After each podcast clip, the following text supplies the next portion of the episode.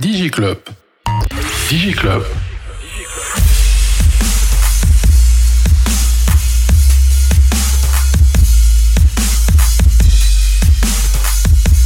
DigiClub Podcast. DigiClub Podcast.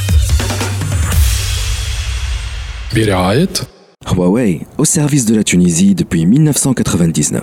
توب نت المزود الأول للفيبر اوبتيك في تونس قوي في الكونيكسيون وتعدل التري او ديبي وكان الزون متاعك كوفيرت بالفيبر اوبتيك نجم تعمل سمارت فيبر وتولي عندك أقوى كونيكسيون في تونس توب نت أقوى كونيكسيون للفيري فايبر بيبل Pristini School of AI.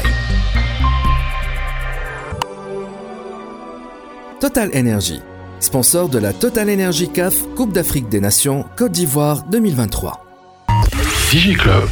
نحن على مدة ثمانية سنين في دي جي كلوب ديما نحكيو على لا ترانسفورماسيون ديجيتال على تي اش دي أيام حكينا على ترانسفورماسيون ديجيتال لكن الحق نتاع ربي في العوام الأخرانية بطلنا منها اللغة هذه خاطر ولات لغة مضروبة في تونس. آه ولاو ياسر يحكيو على ترانسفورماسيون ديجيتال اش قال ليش قلت لك كيفاش لي دوني تخرجهم من فيش اكسل وتحطهم على اون باز دو دوني وتستعمل ان سي ار ام اي سورتو تحط كل شيء على الكلاود. توا آه لغة السوق عند برشا شركات مع احترامي للشركات التونسية واللي يبيعوا في لي سوليسيون تاع ديجيتاليزاسيون في تونس آه كلها حكاية كلاود حط على الكلاود. واعمل اون سوليسيون دو سيكوريتي اي سي بون امورك هانيه وليت انت ديجيتاليزي مي نحن في تي اش دي وفي دي جي كلوب تعرفونا ديما نمشيو على اللي ماشي لبرا على خاطر المارشي التونسي مالوغوزمون مارشي موخر برشا. اي مالوغوزمون ونمشي قاعد يزيد يوخر. يظل حكينا لكم على 5 جي على 5 جي ستاند على 6 جي اللي جاية وبيانتو موبايل وات كونغرس وباش نشوفوا شنو هو الامباكت نتاع لي نوفيل تكنولوجي هذوما على لي ديفيرون سيكتور تكنولوجيك مي سورتو فما معطى جديد اللي هي الانتليجنس ارتيفيسيال نحن معنا بريستيني سكول اوف اي اي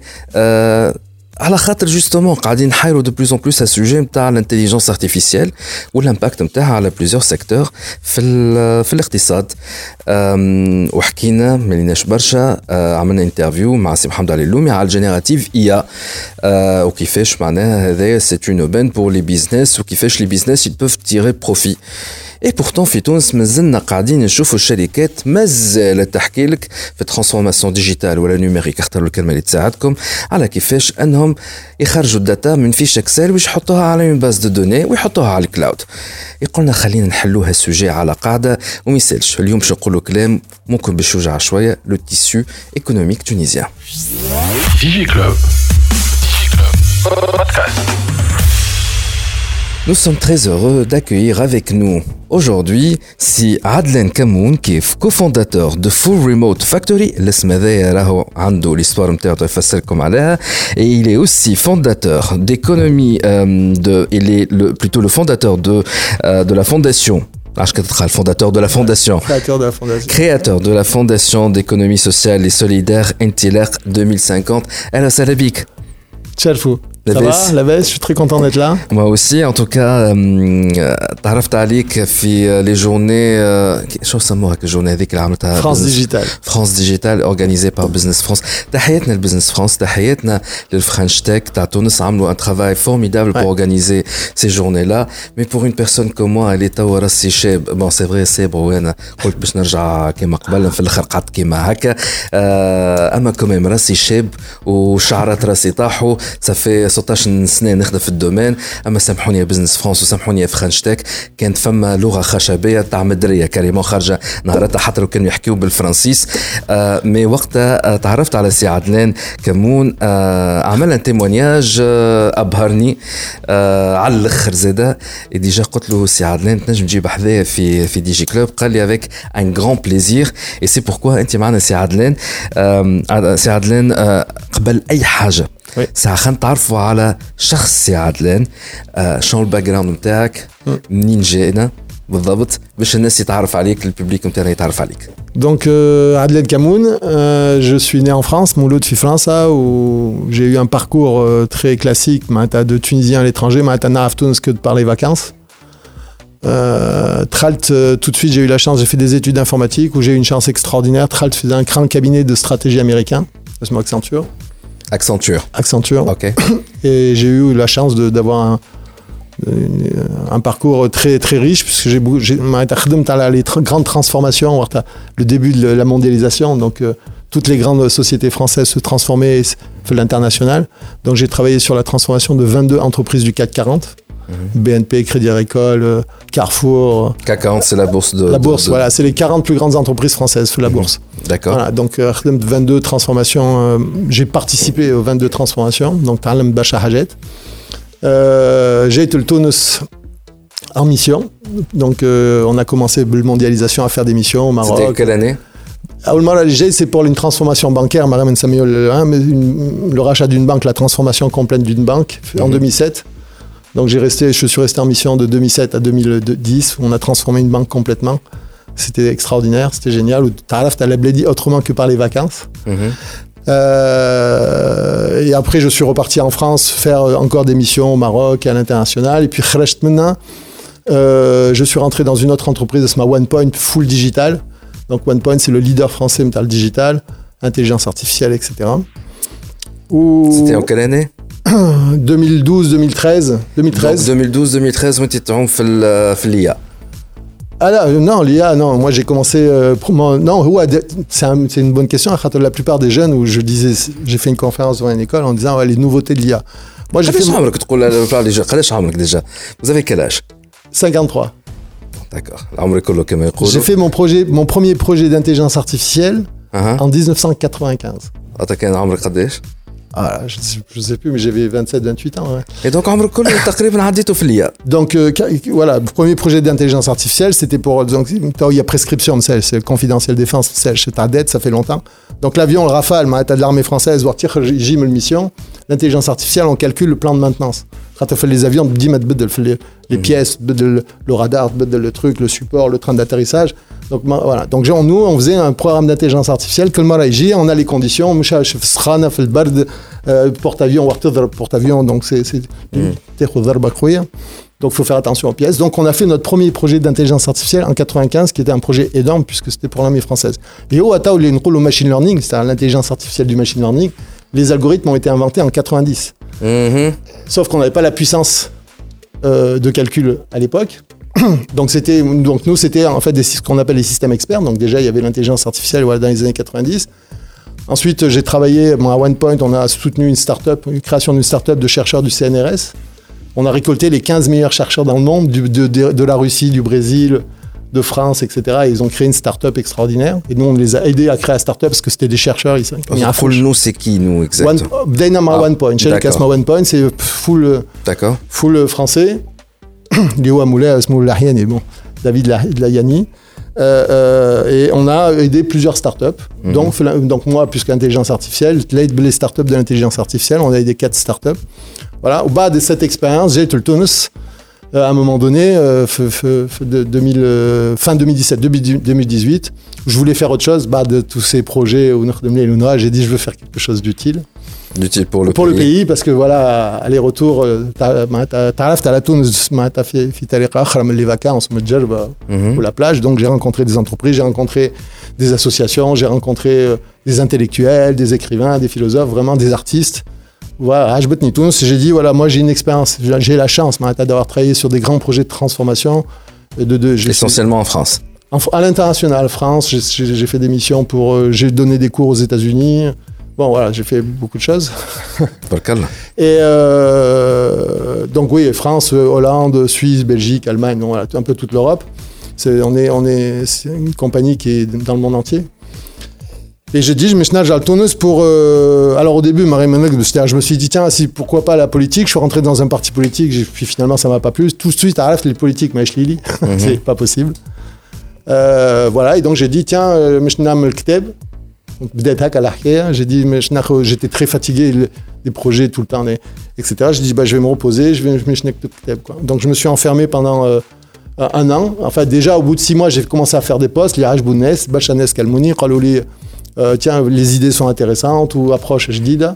Voilà, donc du coup, je suis resté deux ans. On a une fondation Osman Tillerk 2050 à Politique. C'était à quelle année 2018-2019. Genre 2018-2019, on a fait 40 sujets, 40 l'agriculture, la justice, euh, le phosphate. Euh, voilà, on a pris une quarantaine de sujets, on a rencontré 120 experts, des mini, une 15 ministres, on a des, associations, des centres de recherche. Bon, voilà.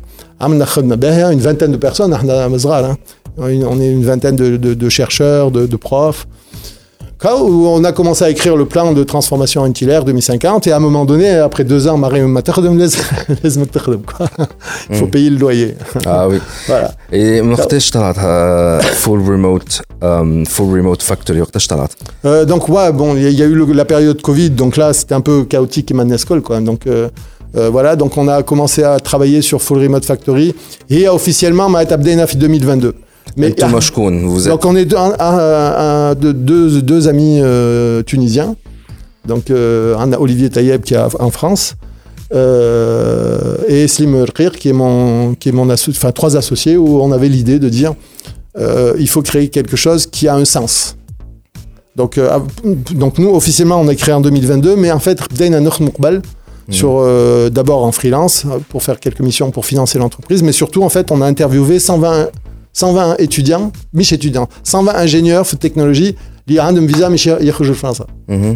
حبينا نقولوا علاش les jeunes يخرجوا puisque في Intillaire voilà c'est en Intillaire 2050 on dit on a un problème خاطر la fuite des cerveaux la fuite des compétences la fuite donc nous on s'est concentré ma- sans parler des médecins on s'est concentré sur les ingénieurs sur les technologies ingénieurs et on a dit d'abord on va interviewer 120 personnes on a réussi à trouver 120 personnes, c'était facile, 120 personnes, il y a un Kharjin. on leur dit voilà un questionnaire, et voilà, et donc il ressort que les jeunes, en Tunisie, je suis à l'école, donc c'est des, des ingénieurs de 3 à 5 ans d'expérience. L'Europe, elle s'arrache ça. Crois que les entreprises tunisiennes formées, donc sorties de l'école, nous on les forme à 3 ans, 3 et 5 ans d'expérience, donc ils nous disent, c'est ça, moi je sors de l'école, narki intelligence artificielle, narki data, nchouf 3D, euh, nchouf, etc. Wartnut Trollfichel et Kafitunus, Nji, l'ordinateur, il y a euh, le piraté, le, le, les, les licences, m'indige de formation, m'indige de certification, je ne je, vois pas le client, euh, je ne suis pas responsabilité, manish fem, hatal chiffre d'affaires, m'tachel et kashnamel, kadesh de taux de facturation, euh, voilà, etc. Tout un environnement où on s'est dit, il faut répondre à ça il faut répondre à ça.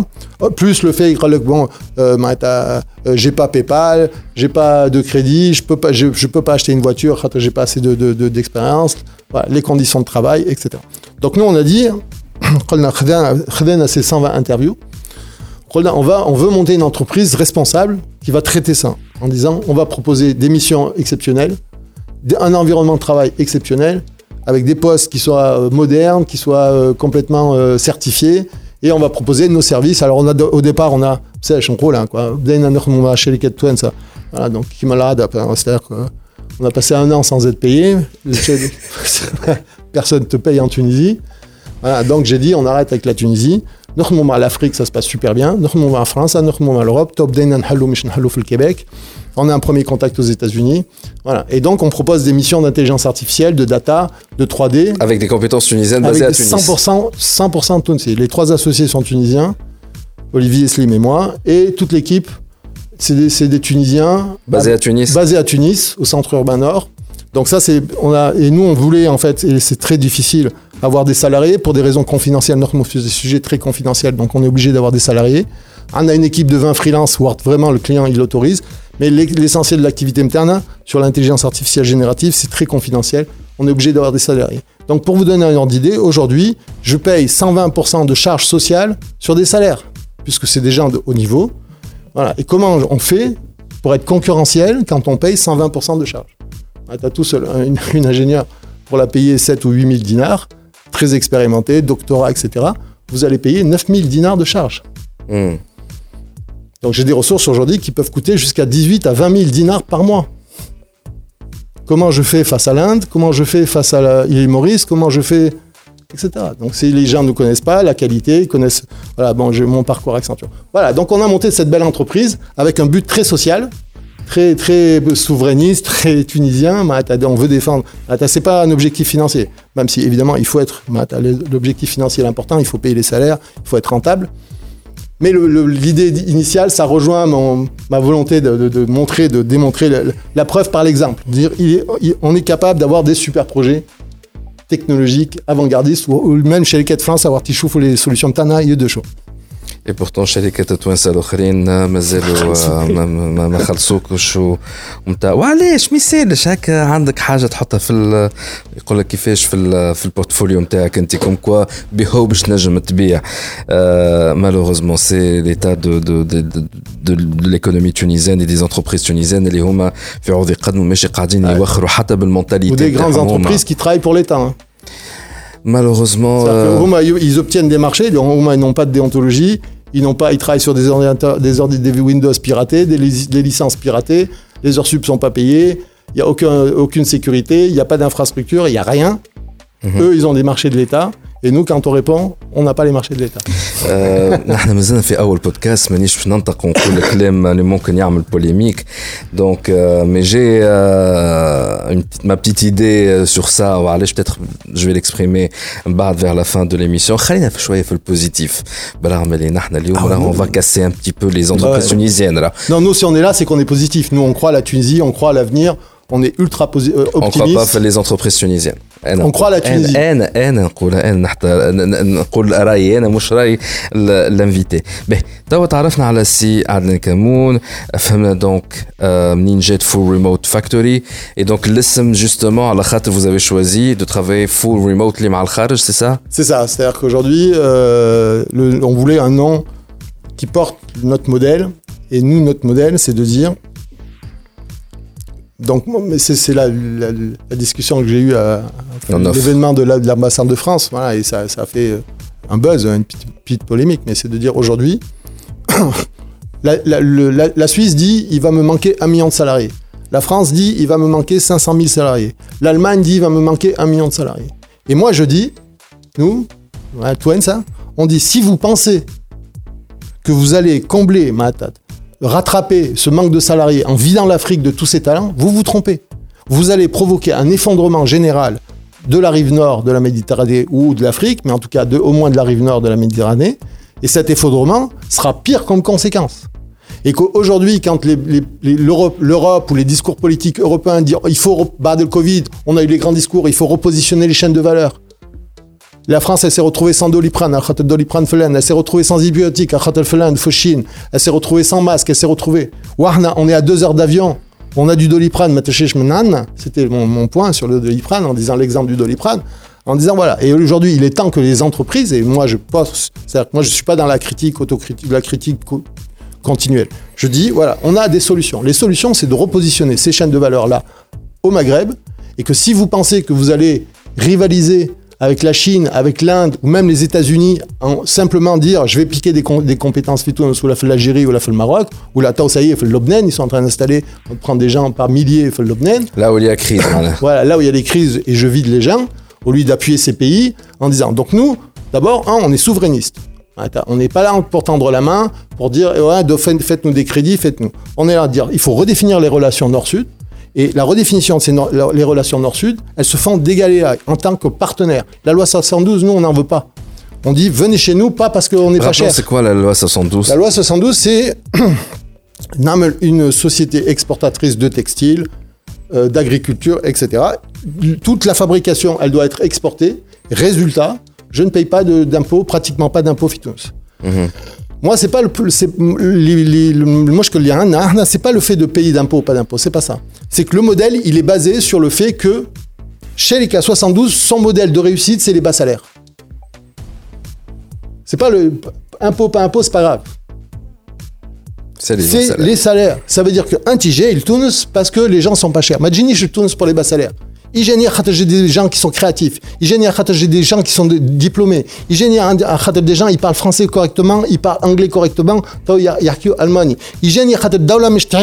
T'attiques une énergie qui est pas chère. Si on met des panneaux solaires, des énergies à concentration, qu'on fait de l'hydrogène. Prenons l'exemple de l'aluminium. L'aluminium, le prix de l'aluminium international, c'est 2000 euros la tonne. La production énergétique pour faire 2000 euros, c'est 5000 euros d'électricité pour l'Europe. 5000 euros d'électricité, donc les معامل الكل نتاع l'aluminium وقفوا. D'accord إجا حد l'aluminium هنا تو نحط لك des panneaux solaires de l'énergie à concentration, nous on n'est pas contre les panneaux solaires, énergie à concentration في Sahara, et Igel Tunis parce que j'ai une énergie pas chère. Igel Tunis parce que j'ai des puissances financières qui Ouais. vont t'aider à investir. ما تجينيش pour des bas salaires voilà باهي مالا خلينا ناخذ une petite pause وبعد البوز باش تجاوبني على السؤال هذايا اسكو الشركات التوانسه لابروش نتاعهم بيان كون عطيتو هالاجابه قبل آه، من الدخله نتاعي الشركات التوانسه sont-elles en train de faire fausse route avec leur stratégie de digitalisation ou elle c'est une étape nécessaire avant d'arriver à la générative IA, ce qu'ils sont en train de faire maintenant. واللي برشا مازالوا ما عملوهوش اللي نذكر c'est de créer une base de données, d'avoir un CRM et de basculer sur le cloud. اما هذا كله بجاوني عليه بعد البوز انا راجع. Digi Club. Huawei, au service de la Tunisie depuis 1999. Topnet, à quoi connexion Les Very Fiber People. Pristini, School of AI. Total Energy, sponsor de la Total Energy CAF Coupe d'Afrique des Nations Côte d'Ivoire 2023. DigiClub.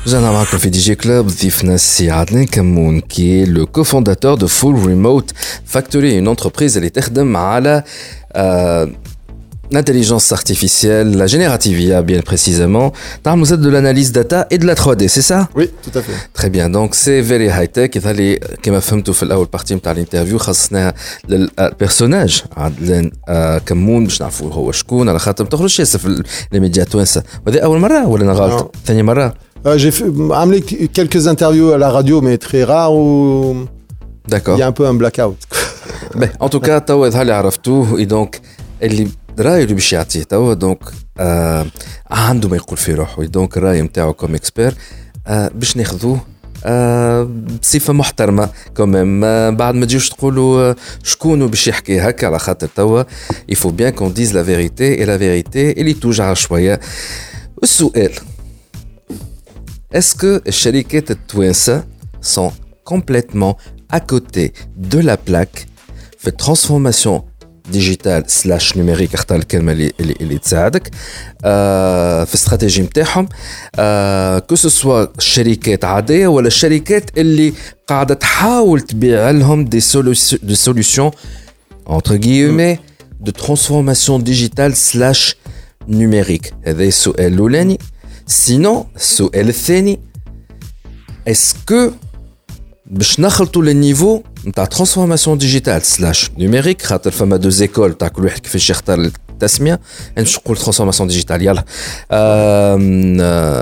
نتاع لازم سي ترانسفورماسيون لا يكون فيها لا جينيراتيف اي ا سي لا نوفيل توندونس البرا اسكو لازم يتعداو التوانسه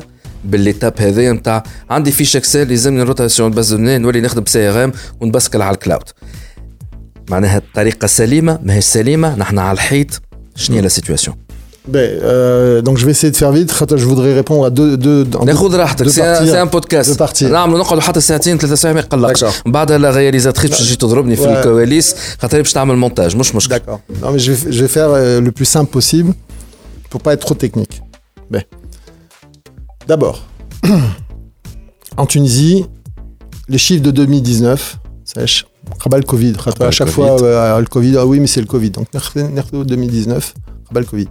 875 000 entreprises. العربي ما نساش نقولها انت يقولها بالفرنسي ما يسالش ما نعرفش بالعربي 875 ألف مؤسسة تونسية D'accord. 86% 875 000 قلت لي Ouais. ماني- خلينا نقيدوا اي 2019. Sur, 2000, sur 875 000 entreprises en Tunisie, مهم. 86% sont des entreprises unipersonnelles. عبالك. 90% فيهم شخص واحد برك 86%. 86% d'accord كان نحسبوا في ال 875 000 entreprises هذم combien d'entreprises فوق 200 personnes قداش قداش شو تقول 5% pratiquement نقول 1 million d'entreprises sur 1 million d'entreprises قداش في تونس وقت نحسب فيهم السوناد ونحسب فيهم الستاج ونحسب فيهم les entreprises d'État الكل في الكل combien d'entreprises de plus de 200 personnes قداش 1% 900 900 entreprises seulement مهم. de plus de 200 personnes. وقت نحي منهم les entreprises de public, تحي منهم euh, Airbus ou Safran, les grandes entreprises européennes, combien d'entreprises tunisiennes de plus de 200 personnes La 900 moitié. 000 Euh, 900 euh, 900. entreprises seulement sur le 875 000 Ah. Mhm. Donc ça, c'est le premier contexte. C'est de dire qu'aujourd'hui, on sait très bien que le développement économique, c'est une pyramide qui dit j'ai les investissements de l'État, qui crée des grandes industries. Les grandes industries alimentent par des prestations les industries intermédiaires. Donc les grandes industries, c'est Tunisie Télécom, c'est Orange, c'est euh, les grands travaux euh, qui- euh, bâtiments, c'est les infrastructures, etc. Ces grandes industries, elles doivent faire travailler des industries intermédiaires. C'est-à-dire que les grandes industries, c'est j'ai plusieurs milliers de personnes. L'industrie intermédiaire, j'ai plusieurs centaines de personnes. Et c'est l'industrie intermédiaire qui doit faire travailler les PME. Il n'y a pas de grandes industries qui fait travailler des PME. Il n'y a pas de grandes industries qui fait travailler des startups. C'est pas vrai. Elles investissent dans l'innovation, elles font du marketing, mais elles font pas travailler des startups. Ça veut dire que le modèle aujourd'hui, si on fait une analyse big data sur les modèles économiques qui marchent en Suisse, en Allemagne, euh, aux États-Unis, etc., et les modèles économiques qui ne marchent pas, je ne vais pas citer de pays, mais un certain nombre de pays euh, autour de nous ou au Moyen-Orient qui ne marchent pas, la- l'analyse, est simple. D'un côté, j'ai des grands investissements, j'ai créé des stations de ski, j'ai créé des ports, j'ai créé des musées, j'ai créé des. etc. etc. Et j'ai des grandes industries qui ont construit les stations ski, qui ont construit les ports, qui ont construit les usines, des grandes usines, etc. Qui ont fait travailler des entreprises de plusieurs centaines, qui font travailler des PME, qui font travailler des startups. Les salariés de tous ces gens, ils raillent ou bled. Ils font vivre les, les- les- les- les- les villes et les quartiers, les villages. C'est eux qui font vivre. Nous, nous n'avons pas cette structure. La pyramide, c'est un million d'entreprises avec 900 entreprises de plus de 200 personnes. Ça veut dire que déjà, le contexte lui-même, en termes de structure, de modèle productif tunisien, on a un, grave problème. Et que même si je dis j'ai 10% de croissance, 10% de croissance, c'est énorme. Appliquer 10% de croissance à 900 entreprises, nous ne serons jamais euh, ni la Suisse, ni le Portugal, etc., si on n'a pas un changement de ce modèle, un mo- un changement volontaire de modèle économique. Ça, c'est la première réponse. Deuxième réponse, c'est la réponse, en tout cas, des grands intellectuels en Tunisie qui tir, on ne va pas citer de nom, ou là, remettre en cause l'État, etc., mais de dire, nous avons l'économie réelle, pas de problème, ah non, moi je fais l'économie réelle, pas de problème, on va investir feu Tunisie digitale, la digitalisation, et on va s'en sortir grâce au digital. Ça, c'est le grand discours.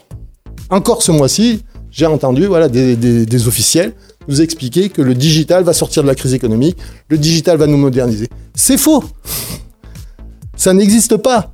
L'économie digitale, virtuelle du digital n'existe pas. Ce n'est pas vrai. Ce qui existe, c'est une économie qui numérise l'administration de l'économie réelle. Jumia, Shtamel, c'est l'économie réelle. C'est la numérisation, la digitalisation de l'administration de la livraison de produits réels. Le, pilotage, l'orchestration. L'orchestration. Plus professionnel. Donc voilà, donc prenons juste quelques exemples, c'est très simple. C'est-à-dire, aujourd'hui, si on prend les gros, Netflix. Netflix, c'est l'administration digitale d'une économie réelle du cinéma. Les c'est l'administration, peut-être, mais en tout cas, c'est l'administration du cinéma. Les chiffres d'affaires aujourd'hui des producteurs, euh, euh, Spotify, aujourd'hui des artistes qui étaient piratés, etc., touchent de l'argent, même des petits, vous vous inscrivez. Donc Spotify, c'est l'administration digital ou numérique d'une économie réelle de la musique.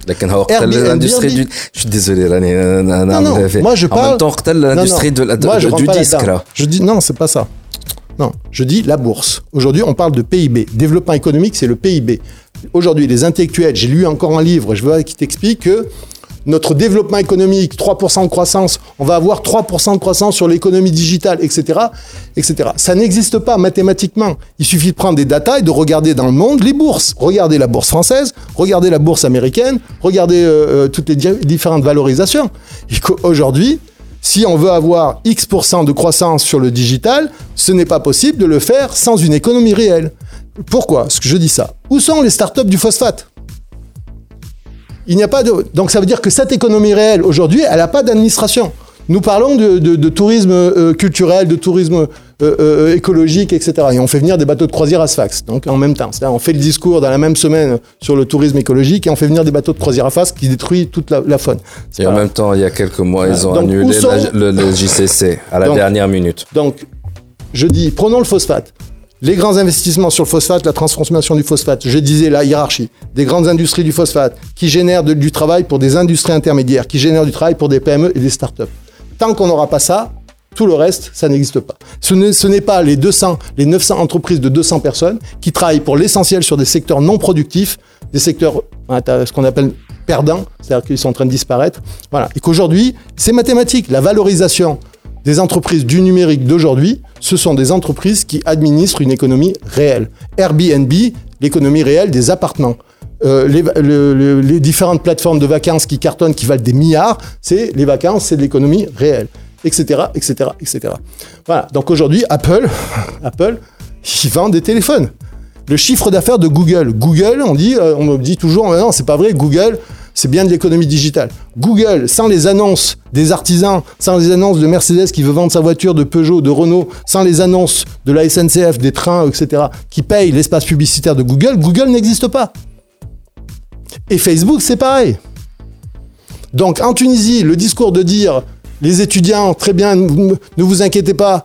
la transformation de l'agriculture, de l'industrie, c'est pas un problème. On va créer une économie du digital et on va sortir la Tunisie des problèmes grâce à l'économie digitale. Ça n'existe pas. Soit on a une vraie transformation de notre économie modernisation de notre économie réelle. Et dans ce cas-là, cette économie réelle, elle pourra porter des entreprises qui seront des, startups de, de, l'agriculture, de la permaculture, de l'agriculture connectée, etc. L'administration du phosphate, des startups du phosphate, des startups de, de, de la culture, des savoirs, des startups sur l'archéologie, la 3D en archéologie, reconstruire de manière virtuelle des, des, des sites archéologiques, etc. Donc ça, c'est le deuxième aspect. Et je termine sur le troisième aspect, qui est de dire finalement, alors on est mort, non, on n'est pas mort, Aujourd'hui, il y a aussi d'autres chiffres big data qui disent que les révolutions arrivent toujours d'un nombre restreint d'individus. C'est-à-dire qu'à un moment donné, il y a quand même des bonnes nouvelles. C'est-à-dire qu'à un moment donné, quand on regarde le paysage en Tunisie, il y a quand même des gens qui, soient formés 100% tunisiens ou qui reviennent de l'étranger, qui arrivent à porter quelques startups qui sont assez exceptionnelles, même si c'est ultra difficile. Les lois en Tunisie, c'est une catastrophe pour les startups et pour le digital. On a parlé justement le matériel, euh, etc. Donc ça, il y a quand même quelques pépites qui existent en Tunisie. Voilà. Et je terminerai simplement ce, petit un peu long, mais en tout cas, ça donne un bon panel. C'est de dire, il y a quelque chose qui est très simple comme chiffre à regarder. En 2000, l'année 2000, vous prenez les 500 plus grandes entreprises du monde. 500 entreprises du monde. Je pourrais vous envoyer la liste. 2000. En, avant le Covid, en 2019, Khamsin Femia n'ont pas ont disparu elles ont disparu. Parce qu'elles ont été rachetées, parce qu'elles elles ont fusionné, elles ont racheté d'autres entreprises, elles ont changé de nom, etc. Elles n'ont pas forcément disparu, etc. Arna, on regarde la Tunisie. Depuis 92, RNE, l'annuaire des entreprises, il a été créé en 1992. Il est disponible sur Internet. Amchi Choufou. Khodo, la liste des entreprises en 1992, chauffe la liste des entreprises aujourd'hui. 90% des entreprises qui tiennent les secteurs, c'est les mêmes entreprises depuis 92. Pourquoi vous voulez qu'elle se transforme Quand je suis sur un monopole, que le Fluss Hapta, que les lois elles ont été faites pour moi, pourquoi je vais faire de l'intelligence artificielle générative Pourquoi je vais digitaliser Pourquoi je vais soutenir des startups Pourquoi je vais investir dans la création, dans les artistes, etc. 90% des entreprises de 1990 existent déjà. Au niveau mondial, 50% des grandes entreprises, elles ont disparu. Pas parce qu'elles sont mortes, elles ont fait faillite, parce qu'elles se sont transformées, elles ont fusionné, elles ont changé de nom. Elles, ont, changé de business. Elles ont changé de business, elles se sont, etc. Voilà. Donc ça, c'est un point majeur. Et ensuite, on arrive au fond. Je suis désolé, j'étais un peu long, c'est marrant. C'est de dire qu'à un moment donné, effectivement, à côté de ce faux discours de dire il y a une économie réelle, une économie digitale ou hada, une économie réelle qui n'ont rien à voir, il y a aujourd'hui des pratiques quand on veut faire du digital, même là, quand on dit on va mettre de l'argent, eh ben, on fait pas du digital. Qui m'appelle On prend une feuille Excel, on met ça dans, le cloud et on dit j'ai fait du digital. Le digital, c'est pas une, une approche technologique. C'est ce que je dis. je veux dire, aujourd'hui, une entreprise, vous avez une organisation soviétique avec des processus, des deux machins, des validations, etc. Et de mettre un site internet et de dire j'ai fait du, du, digital alors que j'ai pas changé l'organisation, j'ai pas simplifié les process, pardon, j'ai pas transformé mon système informatique justement pour avoir des vraies bases de données urbanisées, normalisées, TOGAF et tout, etc.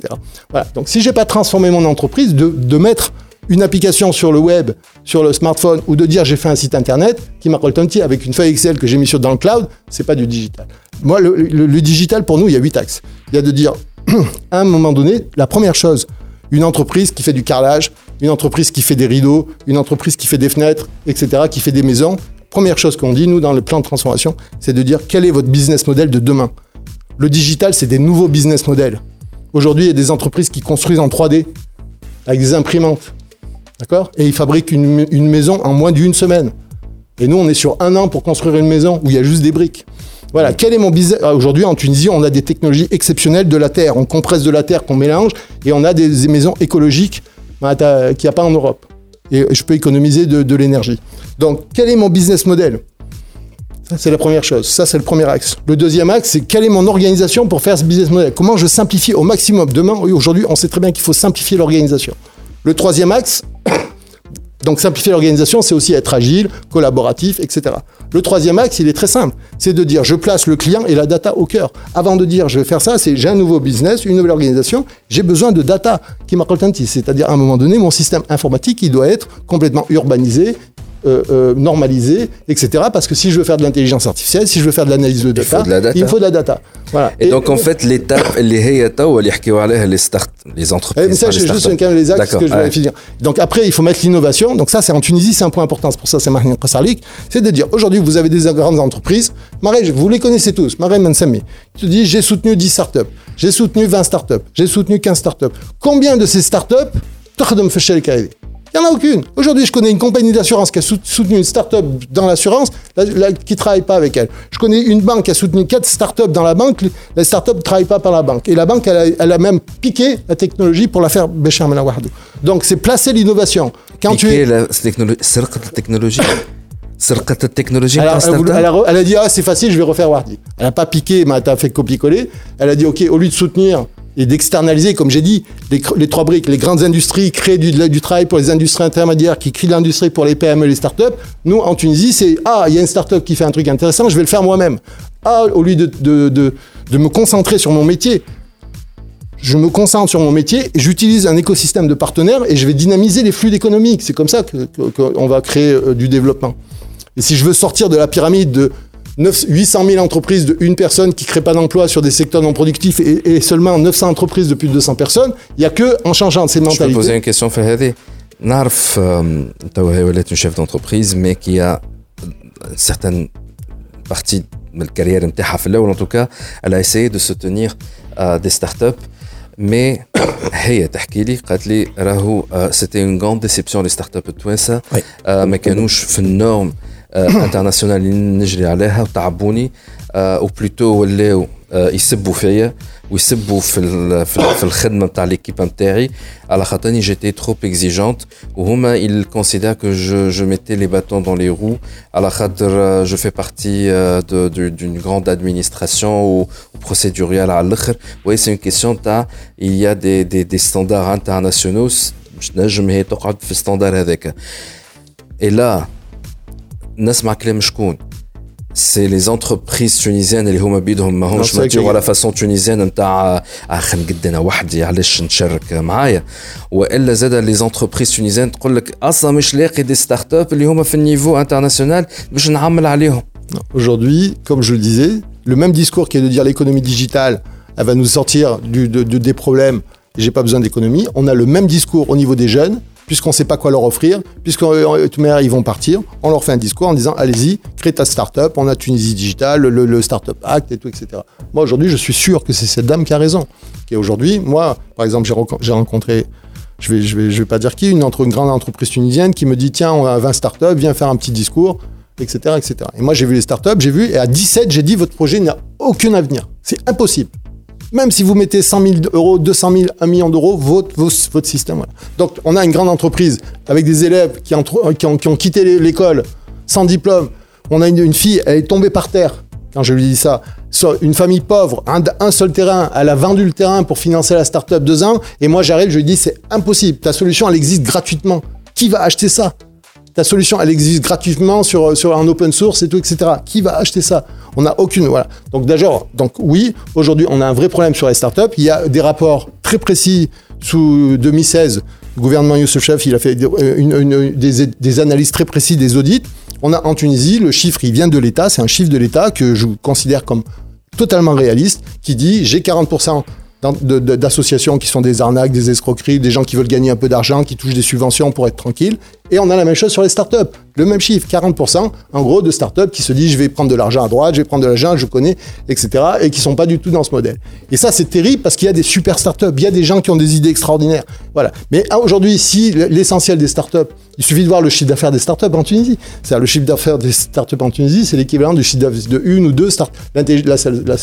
La, sta- la startup d'intelligence artificielle, son chiffre, d'affaires, c'est l'équivalent de toutes les startups tunisiennes. Ça, Instadip, ou etc. Donc aujourd'hui, on a un vrai problème d'accompagnement des startups parce qu'on n'a pas le modèle économique, parce qu'on n'a pas les bons experts, parce qu'on n'a pas la bonne loi, etc. Et qu'aujourd'hui, moi, je dis aux jeunes, attention, et j'ai fait ça, ce discours en Europe, dans des écoles d'ingénieurs euh, françaises, qui est de dire attention aux mirages. C'est des mirages.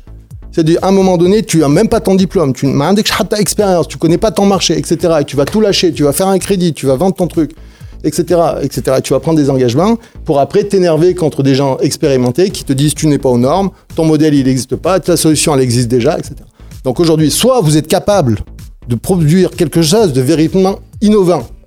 Il y a fait de biotechnologie, un de Expensia, Instadip, c'était innovant. Il y a pas, c'est pas s'ils ont Oh, touché autant. Spencer vient d'être racheté. cette- Oui, mais quand ils ont créé, aujourd'hui, il y avait pratiquement rien à l'époque. Quand eux, ils ont créé Vermeg, il y avait rien. Vermeg, il est travaillé dans une société financière. Il s'est aperçu qu'à un moment donné, il manquait un type de logiciel, notamment sur le, sur le, sur, sur, sur la partie trading, je crois, ou je connais pas bien tous leurs produits, mais en tout cas sur cette partie financière, il manquait des logiciels faciles, pro- euh, jolis, euh, ergonomiques, etc. Et Vermeg, tac, il a monté son truc. Et en même et il temps, le a été aussi un petit peu soutenu par l'État à certains moments. Je parle de l'impulsion initiale. Ouais. L'impulsion initiale, c'est de dire je suis allé sur un truc, à un moment donné, Airbnb, ça marche, parce que c'était le, j'ai oublié son nom, il, est, il travaille à New York, il, est- il- il est dans une entreprise où il doit à chaque fois aller dans des hôtels qui coûtent super cher, il est tout le temps en déplacement, il n'arrive pas à trouver de chambre à la dernière minute, etc. Il en a eu marre, il s'est dit je vais créer une plateforme qui va me permettre de trouver une chambre à la dernière minute. Il n'y avait personne.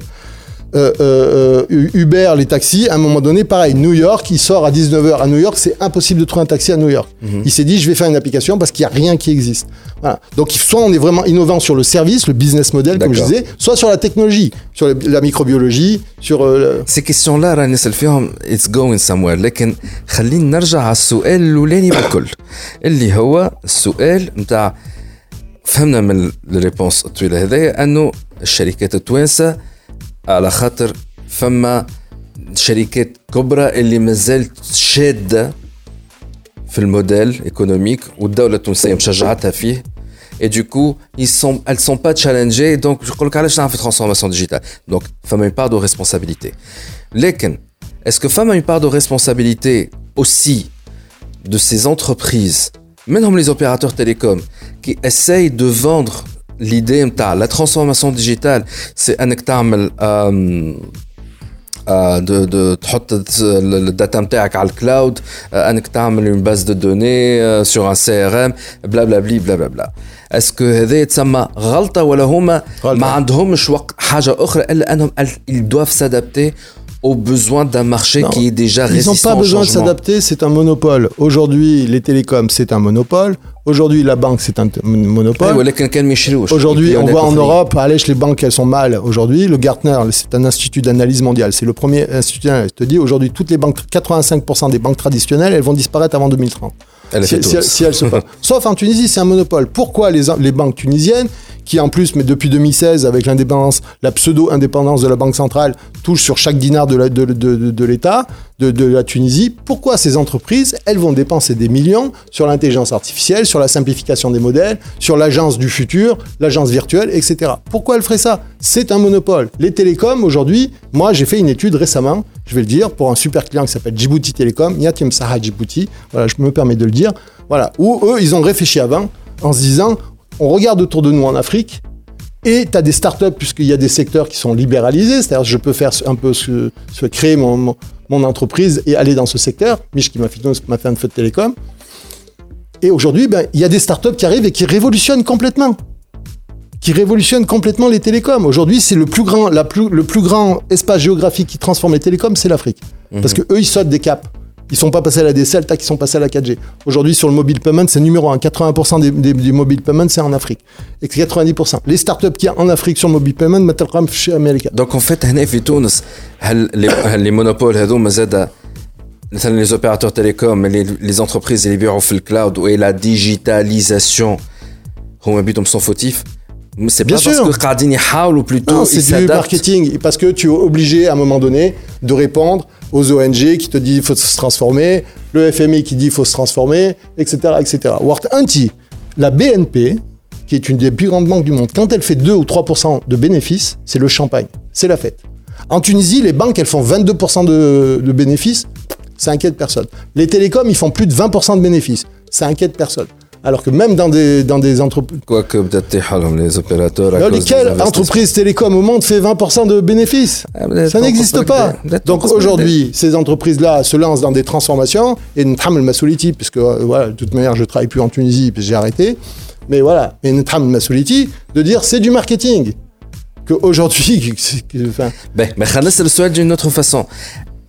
C'est pas peut-être une étape lésme pour des entreprises رافضين الترانسفورماسيون ديجيتال ما يحبوش ي- ي- يقدوا Pardon. لو سيستيم تاعهم هما ce n'est pas grave آه، تنجم تشرب على Ravdin la transformation digitale. Et donc, le passage de la fiche Excel à une base de données, donc à un CRM et mettre sur le cloud, c'est une étape intermédiaire Lesma, lesme, à une transformation digitale basée sur l'IA. Est-ce oui, est que lesme ou La question de dire demain, il faut aller sur le cloud. Aujourd'hui, on sait toutes les analyses, tous les grands éditeurs de solutions bancaires, solutions d'assurance, solutions de CRM, solutions de ce que vous voulez. Aujourd'hui, tous, ils annoncent des plans stratégiques en disant on arrête, tout va être dans le cloud. Donc ça veut dire qu'aujourd'hui, la, transformation digitale, elle passe effectivement, on appelle ça la transition vers le cloud. Et aujourd'hui, c'est tellement rentable, tellement flou sur le cloud, si on comprend même pas pourquoi encore les gens. Euh, ce qui fait chez les gars, serveur il lui faut un administrateur, un ingénieur système, hein, avec des problèmes de sécurité, laisse-moi que ça laisse-moi climatisation, laisse-moi double serveur, triple serveur, etc. Ça coûte tellement cher ça que évidemment, oui, bien sûr, il faut aller sur le cloud.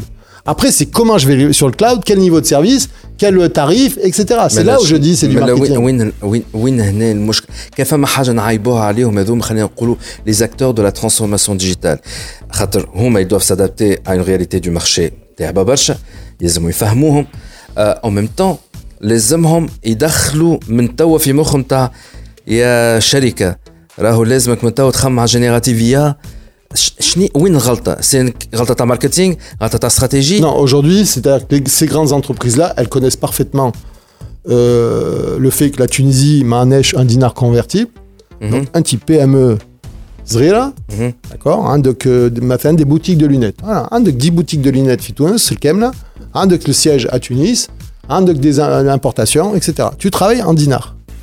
Voilà. Aujourd'hui, non, si tu as une carte en euros, Tumchi sur euh, odoo.fr ou la Tumchi etc., euh, odoo.fr, etc., tu t'achètes sur le cloud un système complet avec euh, gestion des stocks, les magasins, gestion des magasins, etc., application mobile, reporting, intelligence artificielle, tout ça. Tu payes X, X euros par mois et tu as tout ça. Est-ce que c'est possible en Tunisie? Non. Non.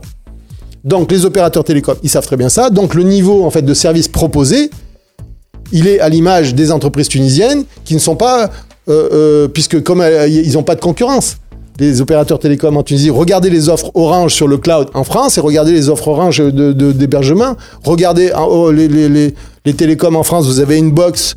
Moi j'ai un ami, euh, voilà, 17 euros. En France, il a une box, il a euh, 100, 100 euh, mégas, il a un téléphone, euh, un numéro de téléphone gratuit, il a la 4G gratuit, il a 250 chaînes euh, gratuites, euh, etc., etc. Il a 100 mégas pour 17 euros. Donc- pour 17 euros en Tunisie, vous avez quoi?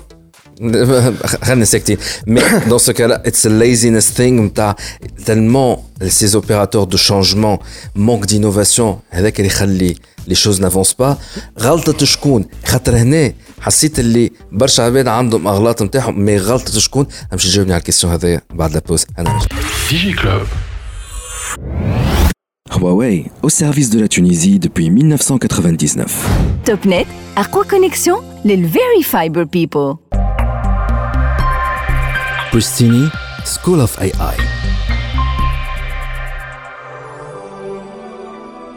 Total Energy. sponsor de la Total Energy CAF Coupe d'Afrique des Nations Côte d'Ivoire 2023. DigiClub. رجعنا في خبرتي من الانترفيو نتاعنا في حلقة اليوم مع السي عدلن كمون qui est cofondateur de Full Remote Factory et aussi le créateur de la fondation euh, d'économie sociale et solidaire Intilaire 2050 باش نرجعوا نحن من بعد rapidement على Intilaire 2050 والرابور اللي عملتوه la vision تاع Intilaire 2050 pour que l'économie euh, في تونس entre autres digital تتحسن à l'aube de 2050 2040 2050 باش نحكيو عليه ولكن لازم باش نرجع على السؤال اللي سالته قبل لابوز اللي هو سي عدلين كمون عرفنا اللي فما برشا مشاكل فوا ميم مصايب شكون المسؤول على خاطر فما أكيد مسؤوليه من الدولة أكيد من القوانين اللي عاملينها بيضل برمشيو المنظمة اليرت هكا موجودين على ريزو سوسيو نوتامون على تيك توك. أه تفهموا كل شيء. وين المشكلة؟ منظمة اليرت طيارة على الآخر تبعوا لي لي لي لي لي, لي بوبليكاسيون نتاعها ولي فيديو نتاعها. دونك فما مسؤولية نتاع الدولة لكن زادة أنا من منظوري أنا بعد قداش من عام نخدم في الدومين هذايا وقاعد نتبع في السيكتور. فما مسؤولية نتاع الشركات التونسية بالرغم عاملين عاش دي فوروم وتاع دي دي سي وما نعرف شنو اللي أنا بور دي ريزون يطولوا شرحها جو بويكوت. آه بورتون باقي ما همش فاهمين. آه اي دونك دوكو نقول لي دي سي نفسهم يا عندهم بروبليم تاع كوميونيكاسيون يا هما على مراد الله. اي دونك لي ديريكتور الفوق اللي صحوا ما مش وصلت لهم المعلومة نتاع يا جماعة الخير هذاك وين اثنين ماشيين لها. دونك يفو فير لا ترانسفورماسيون ديجيتال على قاعدة صحيحه ساعات نقول اللي سي لا فوت نتاع اللي نظموا المؤتمرات وهال الحكايات اللي ولات برجوليه ماستا كثرتوا لها برجوليه بالمؤتمرات باللغة الخشبية نتاع اللوفيي دو التيتر الماسط اللاصط نتاع اللوفيي دو كرواسونس بربي يسيبونا من اللغة المضروبة هذيك. آه فدينا راني منهم. دونك نقولها اللي يعمل في المؤتمرات نتاع ابارامون سي ان بيزنس أكثر منه نتاع هيا الأولاد نقعدوا مع بعضنا وهيا نوروا لكم وين ماشيه ثنيه ساعات نقول غلطة الإعلام آه واللي ولات سهلة برشا نقول غلطة الإعلام على خاطر الأعلام سيفري تعيس برشا ولكن باش نحكي على روحي ثمانية سنين نحن نحكيو تي اش دي 16 سنة وهي تحكي. وديما نوريو شنو هما لي توندونس من الخارج تاع ردوا بالكم ردوا بالكم.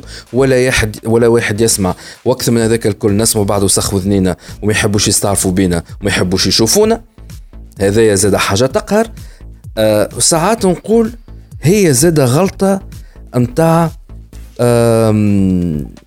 كيفاش نقولها سافا تيلمون فيت لا تكنولوجي اللي في الاخر نتاع منين باش تشدها دانيامون حكيت مع ان سيتيو دان غراند اوبيراتور في تونس ودونك il est au top de la technologie quand même par rapport à la Tunisie وحكيت له على قلت له ال 5G stand alone على خاطر نحن étions les premiers et le seul média في تونس بيان كو باقي يحبوش يستعرفوا بينا كميديا وكبروميي بودكاست اللي حكينا على ال 5G stand alone تاع ردوا بالكم راهو 5G اللي باش تتلانسا سي با فريمون دو لا 5G الرسمي سي ال 5G stand alone اللي هي لو تيسيو ايكونوميك باش يربح منه برمشوا تفرجوا في واحد من دي جي كلوب حكينا على 5 جي ستاند الون مع هواوي تو تفهموها الحكاية. اي بورتون هو شنو قال لي؟ وليد مازلنا بعاد. مازلنا بعاد برشا. الناس ما هوش فاهمة. لو تيسيو ايكونوميك مش فاهم. تي نحنا اون انترن مع لي زيفولوسيون مع اللي مع ال 5 جي هاي 6 جي باش تجي اللي توا قاعدين يحكيو عليها في دبي. نتاع سي نوفيل فريكونس سي كونيكسيون على الساتيليت هاو اللي هاو الميو وين الغلطة؟ شكون المسؤول جاوبني كثرت السؤال طول non, non, c'est, c'est, c'est très intéressant bon هو je, on va pas on va pas euh, refaire toute l'histoire mais d'abord la Tunisie en fait elle a fait un choix sous Bourguiba qui était pertinent les, les monopoles donc ça je vais on voilà. mais Bourguiba toujours, moi je parle que data. Mon métier c'est les data. Je prends des data, je regarde des pays. Aujourd'hui, il y a des études, le PFL, qui ont comparé 200 pays, avec des data pour savoir comment ça. Donc la Tunisie, elle a construit, Bourguiba il est arrivé, il fallait reconstruire le pays. On a eu, il se passait rien jusqu'en 1964 à peu près. On a trouvé du pétrole. Donc il y a eu une très mauvaise gestion du pétrole parce qu'on a fait ça le pétrole, on l'a vendu à un prix ridicule, 1,8$, alors qu'on avait des études qui disaient qu'en 2000, le prix du pétrole, 30 dollars. Voilà. Mais quand même, la bonne décision qui a été faite de dire, parce que Bourguiba, il savait, et, et je le sais de l'intérieur, parce que j'ai mon oncle, il était euh, à la Trapsa, il me raconte les discussions avec Bourguiba. Il avait peur voilà, de, se faire voler tout ce, toute cette manne financière. Donc Bourguiba, il a fait le choix d'investir, de, collaborer avec un certain nombre de grandes familles, de grandes institutions pour dire je vais créer des monopoles. Ça, au départ, dans la situation en c'était intelligent pour pas dilapider. C'est-à-dire, j'ai un monopole, j'ai des, banques, on a tout de suite réussi à créer des grosses banques, on a tout de suite réussi à créer des grosses entreprises de travaux publics, on a tout de suite réussi à créer euh, euh, des télécoms, on a créé, voilà. Cette période-là, c'était pertinent de dire, je vais faire des monopoles parce qu'on n'avait pas la culture, on n'avait pas la formation, on n'avait pas les compétences. Si on prend l'Iran, l'Iran, le pétrole, ça Elle a éclaté. Le, le Shah d'Iran, lui, il avait fait un monopole. Warja Khomeini, pour euh, satisfaire tous les gens qui l'ont amené au pouvoir, 70 familles euh, euh, iraniennes. Le pétrole, tartara sur 70 personnes. L'électronique en Iran, ils étaient à la pointe, tartara sur 70 familles. 70 sociétés fait l'automobile, 70 sociétés, 70, 70. Donc nous, on a fait un premier choix. Malheureusement, il a mal été géré ce choix. C'était à un moment donné, quand il y a eu la croissance, le miracle tunisien, seulement 14% de 12 ou 10 ou 12% de croissance, je ne sais pas. Il, voilà, dans les années 80, il fallait commencer à libéraliser. Et c'était les recommandations internationales. Et là, je suis contre toutes les FMI, etc. Mais ils avaient des choses intelligentes à l'époque en disant attention, il faut libéraliser. Et on a raté ça. On a raté cette libéralisation. Donc, Alert, ils font un très très bon travail. Je crois que même eux, j'ai lu un document, il roule que c'était pertinent. Alert, je pense, euh, Anis Malek, je crois qu'il a écrit un, texte qui disait qu'à l'époque. Voilà. Et il a écrit un texte qui disait à l'époque, c'était intelligent d'avoir fait, de sécuriser en tout cas les gains du pétrole sur quelques têtes qui ont construit de manière patriotique des entreprises, etc. Moi, je ne suis pas pour tous, tous les riches sont, sont corrompus, tous les riches ça va pas, ils sont pas patriotes. Non, il y a eu des belles entreprises tunisiennes, on peut être fier. Ce qui s'est mal passé, c'est dire à un moment donné, en les années 80, et après arriver la dictature, etc. Et là, au lieu de libéraliser, on a consolidé des réseaux, on a consolidé euh, des mafias, des cartels, des pratiques, etc. Donc la responsabilité collective, on va dire historiquement, il y avait un choix intelligent et la responsabilité fait que l'État, l'administration n'a pas su libéraliser les, les mais ça suffit pas de dire c'est toujours la faute de l'État, toujours la faute de l'État. Moi, je ne suis pas du tout pour ça.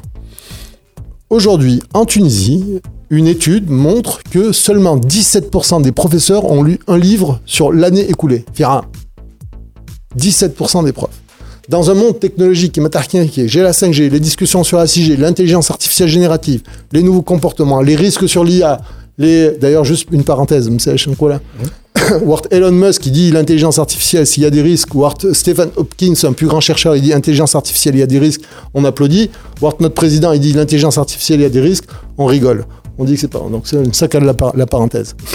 Voilà. Bon, on veut pas rendre l'émission politique en même temps. J'ai dit sur la, il, a, voilà, il a raison. Sur, il a raison. Sur des choses, il a raison. Sur d'autres, voilà. C'est pour voilà, la Tunisie, on se flagelle. Donc c'est pour ça que je dis, mon discours, c'est pas dire tout est la faute de l'État, même s'il y a une très forte responsabilité. Aujourd'hui, on a des professeurs qui ne lisent pas de livres, qui ne sont pas impliqués euh, sur, sur, sur des grands sujets. Et aujourd'hui, de dire, quand un, élève sort d'une école tunisienne, il est au top du top, c'est pas vrai. Moi, j'ai fait une conférence dans des élèves, devant 800 élèves, devant de, plusieurs conférences dans rien. Je dis, est-ce que vous connaissez Accenture? Est-ce que vous connaissez le Gartner? Est-ce que vous connaissez, citez-moi les, les grands risques de l'intelligence artificielle? Non, aujourd'hui, on apprend l'algorithme un Tunisien qui sort d'une école d'intelligence artificielle, il sait faire l'algorithme d'intelligence artificielle. Sur le développement, il sait développer, mais la vision globale, on l'a pas. Moi, j'ai donné des cours aux États-Unis. Vous prenez un élève qui sort d'une école d'ingénieur, tu lui dis c'est quoi l'avenir de la banque, c'est quoi l'avenir de la data, etc. Il tient deux heures sans notes, sans rien. Il te fait deux heures sur la stratégie data, sur la stratégie des technologies, sur l'avenir du monde, etc. Le changement climatique, j'ai posé à plus de 100... Euh, il y a, y a, cinq, cinq, étudiants qui sont capables de m'expliquer le changement climatique en Tunisie. Voilà, donc on a un problème au niveau, à la fois, par exemple, des professeurs. On a un ras-le-bol général, nes feddo. C'est-à-dire qu'il n'y a plus d'implication dans les associations, il n'y a pas d'implication euh, sur, sur, Voilà, aujourd'hui, moi, j'ai vu la grosse conférence devant des centaines d'étudiants. À la fin, ils sont venus me voir sur une et m'ont dit bravo, c'est intéressant. J'ai on va réfléchir sur le digital, sur les startups, etc. Moi, je veux partir en France. Donc, on a plusieurs boîtes. Donc, nous, on est partisans, c'est la, la théorie des systèmes complexes. La théorie des systèmes complexes, c'est de dire, en fait, c'est systémique. C'est-à-dire, tu peux pas dire, tu peux pas dire, il y a une seule cause. Un système complexe, c'est plein de causes. Donc, on a au départ une situation de monopole. On a des entreprises aujourd'hui. Il faut si vous êtes patron d'une entreprise qui vend de la peinture, ou que un petit, ça fait 20 ans que tu travailles avec des partenaires, même si tu sais que le partenaire informatique, il n'est pas super haut niveau, il n'est pas, etc. Mais aujourd'hui, on est à un tel niveau de tu peux pas faire confiance que tu dis, eh, moi je le digital, moi je mais au moins je le connais. Voilà, on a des sortes de, comme ça de d'écosystèmes fermés où même s'ils sont pas au niveau. Voilà, et à un moment donné, on est dans un environnement. Donc voilà, oui, Daola aujourd'hui, je vous donne un simple exemple pour pas être trop long. Un petit tralage appel d'offres. On va prendre un exemple simple. Tralage un appel d'offres sur la conduite du changement. Il y a un appel d'offres, tralage sur la conduite du changement. L'appel d'offres, c'était de dire, Amelna 2016, Tunisie Digital, 65 projets, les projets Mahadjouch. Ils ont fait une étude en disant on n'a pas les bons prestataires, manèche la formation, les gens qui dirigent le projet, c'est ça va pas, etc. Donc, Amle appel d'offres, Yatim Saha, ils ont dit voilà tous nos problèmes et on va faire un appel d'offres pour dire comment on va aider ça, Tunisie Digital L'appel d'offres, donc nous, Mafen, le cabinet de stratégie, sur des très grandes, c'est la conduite du changement Des, des, choses innovantes, de la gamification, des plateformes numériques, de e-learning, des serious games, euh, la formation euh, collaborative, out of the box. L'appel d'offres, tu peux pas. L'appel d'offres, il te dit A, B, C, D. Comment tu veux changer C'est-à-dire, un trail dark, jib ahsan designer في العالم. ahsan designer. عندك دار وقت يجي تقول له لا مش تحط لي الاحمر هنا مش تحط لي مش تحط لي الموب هذا هنا il y a quoi ça sert باش تجيب architecte si tu lui dis ce que tu veux qu'il fasse donc déjà on a un problème pour être très précis parce que j'ai fait un discours sur l'historique sur les responsabilités précis premièrement on a un problème de compétence et de vision et de démarche au niveau de l'État sur les appels d'offres il est impossible de répondre de manière innovante de proposer des choses innovantes quand dans l'appel d'offres il te dit A B C D voilà moi aujourd'hui j'ai pas de bac plus 5 je peux pas répondre à 80% des appels d'offres Mhm. Je, je passe, j'ai bac plus 4, on te dit il faut bac plus 5. Monsieur Camoun, vous n'avez pas bac plus 5, vous ne pouvez pas répondre. Donc j'ai travaillé pour les plus grandes entreprises du monde, j'ai travaillé pour des, les GAFAM, j'ai travaillé pour l'Union Européenne, la Banque Centrale Européenne, j'ai travaillé pour l'armée française, mais en Tunisie, j'ai pas le droit. Voilà, j'ai pas le droit d'être indépendant, j'ai pas le droit d'être consultant parce que je suis pas bac, bac plus 5. Voilà, mon père qui a travaillé dans les centrales nucléaires, il n'a pas de diplôme, il a dirigé des phases de maintenance centrales nucléaires, il peut pas être consultant en Tunisie il a travaillé dans sept centrales nucléaires. Il peut pas être consultant en Tunisie sur la transformation des, des entreprises. Donc, Donc ça, première massolia, on a l'administration sur la méthode la démarche et les مش l'administration تبع دولة فقط لكن زاد المسؤولية عند الشركات الإدارات في الشركات المسؤولية عند شكون C'est la même, c'est un écosystème, c'est plusieurs boîtes qui en même temps, on a une condition, c'est à un moment donné, tu as froid parce que le chauffage il marche pas, parce que la fenêtre elle est cassée, parce que il n'y a pas d'isolation, etc. Il y a plein de choses. Aujourd'hui, la situation en Tunisie, un de Daoula qui n'a pas réussi à se transformer, que ce soit en termes de méthode, comment je fais les appels d'offres, le référencement. En Europe, le référencement, référencement. on s'est fait référencer à l'époque, BNP. La procédure, elle a pris deux ans. Deux ans, ben, ou aligner les projets, aligner les CV, aligner les bilans. Une fois que tu es référencé, c'est fini. Tu réponds aux appels d'offres de manière simple. Fitounos, à chaque appel d'offres, tu dois. Il n'y a pas de référencement. L'approche de dire j'ai des appels d'offres, c'est fini. On ne fait pas d'appels d'offres dans le monde. Il n'y a mhm. plus d'appels d'offres. Je te référence, un j'ai confiance, j'ai fait un audit. Nafuk, ok, je signe un référencement pour deux ans, pour trois ans. Quand j'ai besoin de toi, je tape un dès que les tarifs qui sont clairs.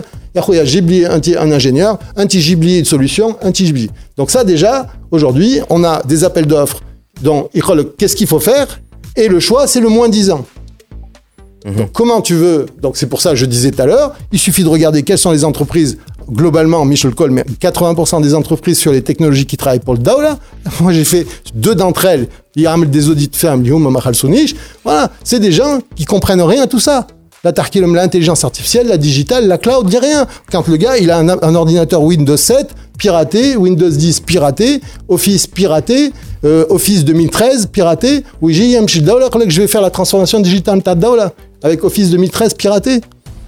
Hum. Le site internet, comme est même pas sécurisé, voilà, donc on a un écosystème de gens, Yaf ou Badem, qui se connaissent et qui te disent on travaille ensemble et qui m'accole tout de suite, c'est-à-dire on connaît. C'est, ce sont les mêmes entreprises, 90%, 80%, 90% des entreprises actuelles, elles existent depuis 92. C'est un problème, il n'y a pas de renouvellement parce qu'on est sur des secteurs. Donc, les professeurs, les remises en cause, Yaoudi, les écoles, le Reich, comme. Vous pouvez pas, notamment les écoles privées, où les gens ils, ils font des crédits pour mettre leurs enfants, ils sortent, ils connaissent rien sur le marché, ils connaissent rien sur le. Sur... Donc ils, sont très bons. Mais moi j'ai fait, une, j'ai fait une, conférence dans une école privée très chère, Mansamièche. Et je, disais, il y avait le directeur de recherche pratiquement par je dis, mais moi, quand il sort de l'école, bien sûr que j'espère qu'il sait faire l'informatique, qu'il sait coder, qu'il sait faire. Mais moi, je ne demande pas ça. S'il a son diplôme d'ingénieur, je ne pose pas la question. S'il a son diplôme d'ingénieur. Il a dit, fais ta vision. l'école titre l'ism Là, le E. D'accord, ok. Passons. Passons. Voilà. Et donc, bon, alors j'étais content parce que tous les élèves m'ont applaudi. Donc, euh, euh, et du coup, l'ont pas mis sur internet la vidéo. Mais c'est la deuxième fois اللي الناس ما فيها témoignage هذايا نتاع ليكول تاع الكودينغ في تونس راهو يخدموا في خدمه صحيحه سي فري يعطيهم الصحه اما سي با مون besoin comme فهمني mais le client il vient oh, puisqu'on rend le message moi j'ai aujourd'hui un énorme client l'intelligence artificielle générative c'est un énorme cabinet d'avocats français cabinet d'affaires international il gère des affaires euh, juridiques pour IBM, pour des grands euh, opérateurs, les GAFAM, qui m'accordent ça, je suis en relation avec des GAFAM, etc. Le cabinet juridique, il les GAFAM. Il dit moi, je veux une intelligence artificielle. C'est trop confidentiel. Mais je chat GPT. Chat GPT, c'est interdit. Tout ça, c'est, tout est sécurisé, interdit. Tu peux pas aller sur Internet. Les documents sont ultra confidentiels. Via la banque, tes documents, tu vas investir, des lits d'initiés, etc. Il dit Adelaide, j'ai besoin d'une intelligence artificielle sur place qui va me multiplier mon travail par deux, par deux, par trois. Qui m'a GPT sur mes propres documents. L'intelligence artificielle, les pratiques les méthodes, comme ça, il génère automatiquement des documents. Tu veux racheter une entreprise, bouffe, tous les documents sont générés. Tu veux euh, créer une entreprise de tel secteur, tel, tu as un problème de tel, etc. Il génère tout ça. Ben, aujourd'hui, j'ai besoin de gens. Quand le client m'a dit ça, j'ai besoin d'ingénieurs qui me dit, j'imagine la solution. Et aujourd'hui, D'accord On n'a pas ça en Tunisie. Donc moi, mes ingénieurs, maintenant, ça ils sont formés, ils, savent, je leur amène un peu de pression pour imaginer Imaginez demain, qu'est-ce qui existe, qu'est-ce qui existe comme technologie, qu'est-ce qui existe fait Amérique, qu'est-ce qui existe fait Japon, qu'est-ce qui existe, etc. Voilà. Aujourd'hui, ça, on l'apprend pas à l'école. Mhm. Sortis de l'école, ils savent pas faire une presse PowerPoint, ils connaissent pas Excel, ils sont incapables de faire une étude de marché, de te parler des, technologies. Le Gartner, qui est le principal indicateur, le baromètre sur les technologies mondiales, tu sors d'une école d'ingénieur en Tunisie, tu connais pas le Gartner. Tu n'as lu aucun document du Gartner. Je vois. Alors, juste un dernier sujet. Les gens, à un moment donné de dire, tu vois, le Daoula, elle ne fait pas les déchets. Un type m'a taillé déchets. Avant, de le Daoula, elle ramasse pas. Oui, Daoula, elle ramasse pas les déchets. Est-ce que c'est pour rien que je taille les déchets? Donc pour l'informatique, c'est pareil. On est en train de des étudiants qui ne lisent pas de livres. On est en train de des startups qui fabriquent des solutions sans regarder si ça existe en mode open source. Voilà. Donc c'est pour ça que je dis, théorie des systèmes complexes, on a plusieurs agents et qui entretiennent. C'est-à-dire, c'est un cercle. Plus ça va pas, plus ça va pas. D'accord. Intiller 2050. Euh, déjà, est-ce que avec des ambitions politiques Ah, pas du tout, non. Ben. Ambition politique. Est-ce que le but de cette euh, fondation-là est politique? Non, moi je dis chacun son métier. Moi, c'est ma phrase d'Iman Roula, fait Accenture. La première chose, on dit, nous sommes des consultants, des conseillers, chacun son métier. un PD, même s'il a des, problèmes, un PDG, un petit tout le monde comme Mhm. Ton travail, c'est de consulter, de faire des analyses stratégiques, etc. Les hauts, les amlo. Mhm. Même chez les quêtes, les ça va pas, les amlo. L'entreprise familiale qui a survécu, etc. Il y a ça? Donc moi, je dis aujourd'hui, Intiller, nous, nous sommes des conseillers. Nous avons travaillé sur un plan de transformation mmh. sur 40 secteurs, agriculture, phosphate, technologie, justice, etc. Et on a des propositions concrètes. Est-ce que vous êtes soutenu par une des d'autres ONG Non. Est-ce que vous êtes soutenu euh, par d'autres partis politiques? Non. Est-ce que vous êtes en contact avec l'État tunisien? Non. Est-ce que l'État tunisien... Euh, Nous avons euh, été contactés par plusieurs États. J'ai reçu un message de l'ambassade du gouvernement chinois, de l'ambassade de Chine. J'ai reçu un des messages d'un énorme investisseur proche du gouvernement turc. J'ai reçu des messages de l'Union européenne. J'ai reçu des messages de députés français. J'ai reçu des, un message d'un député libyen. J'ai reçu un message d'un député marocain. J'ai envoyé 900 messages, 900 mails. Hein. Tous les intellectuels en Tunisie, l'IDALA, tous les etc. J'ai passé, on a, mobilisé pendant des mois des coups de fil, des, relations, etc. Zéro. Est-ce qu'un TLR 2050, c'est un aussi, ça peut être. Je dois poser des questions que les gens vont se poser. Est-ce que c'est un centre de lobbying? Non. Est-ce qu'il vise à faire changer euh, voilà, à, à, à, خلينا نقولوا, c'est pas interférer, c'est pas le bon mot, mais à influencer Oui, les, quatre axes d'influence. hein. euh, donc c'est un centre d'influence. C'est un centre d'influence. Premier axe pour, pour l'instant, c'est la population. Les gens qui me disent, Nemchi Fra, il n'y a plus d'espoir, il n'y a pas de solution. Les gens qui me disent, je pars, etc. Nous, on veut mettre sur la place en disant des solutions simples fonctionnent. Je prends 10% des taxes de- du tabac, 10% des taxes de l'alcool, ça fait un- une augmentation. Pardon, pardon, dis 10%. Je prends toutes les taxes du tabac, toutes les taxes de l'alcool, somme terme, c'est 10% du budget de- de- des hôpitaux, de la santé, de toute la santé. Je prends cette taxe et je dis, je crée un plan d'urgence. Pendant un an, on va rebâtir, on va retransformer les hôpitaux. Pas pour mettre des appareils qui coûtent cher. Aoudli de l'hina, Mets-moi des panneaux solaires, mets-moi double vitrage, Aoudli le sanitaire, Aoudli le plomberie, Aoudli l'électricité. Tradem, on a fait un plan sur toutes les mesures comme ça. Routage des flux, ça met le routage des flux existant, pas de crédit. Routage des flux, c'est Un un tiers 2050, la première étape, c'est un plan d'urgence. Notre plan d'urgence, il génère 40 000 emplois en moins de 6 mois. Voilà. Donc nous, on veut dire, voilà, des solutions existent. C'est ça notre. Euh, ces solutions existent effectivement, ce sont des solutions techniques. Euh, le programme TACOM qui est disponible sur intilerc 2050 en un seul mot.org. Euh, cette stratégie-là a été développée euh, en 2020, il y a eu une mise à jour. Ouais, au début c'était un livre, donc euh, voilà. Là, après, on a fait le site très rapidement. Et donc là, il y a une grosse mise à jour parce qu'on a travaillé depuis un an, on n'a pas publié ces derniers mois. On a travaillé à fond sur le plan d'urgence, on a préparé des, des- des scripts de vidéos, on a préparé des études, des analyses. Voilà. Et donc là, à partir de janvier, on lance un certain nombre de vidéos et on met à jour tout notre site avec des études Mhm. euh, euh, sur, sur les 13 enjeux de la, Tunisie, le- la mondialisation, le changement climatique, la pollution, la fin des espèces, le, le- le- la- la- la monnaie, bon voilà, il y a plein de choses. Il y a 13 enjeux, et à partir de ces 13 enjeux, nous, on dit, on a un modèle qui est le niveau de vie du Portugal. Comment je fais pour atteindre, qui fait nous, le niveau de vie du Portugal, 11 millions d'habitants, qui marque 12 millions, 12 millions d'habitants, voilà, fait 2050. ولكن آه، سي سي عدلان على خاطر سي تري انتريسون كو في الاستراتيجيه اللي قاعد نشوف فيها بارمي مثلا آه، الحاجات في البروغرام تاعكم آه، اللي قاعدين تحكيو عليهم en tout cas se reconstruire par les valeurs la vision que nous proposons est concrète une Tunisie qui se reconstruit sur quatre valeurs fondamentales et parmi ces euh, valeurs là فما euh, une Tunisie souveraine face aux ingérences internes et externes nous devons priorité réaffirmer le rôle de l'État et garantir ses missions, puis restaurer et garantir la souveraineté et l'indépendance euh, euh, de la nation. Euh, ça Il y a rentre. deux axes. آه، هذوما يدخلوا شويه في ال- ce que quelques partis politiques قاعدين يحكيوا عليه.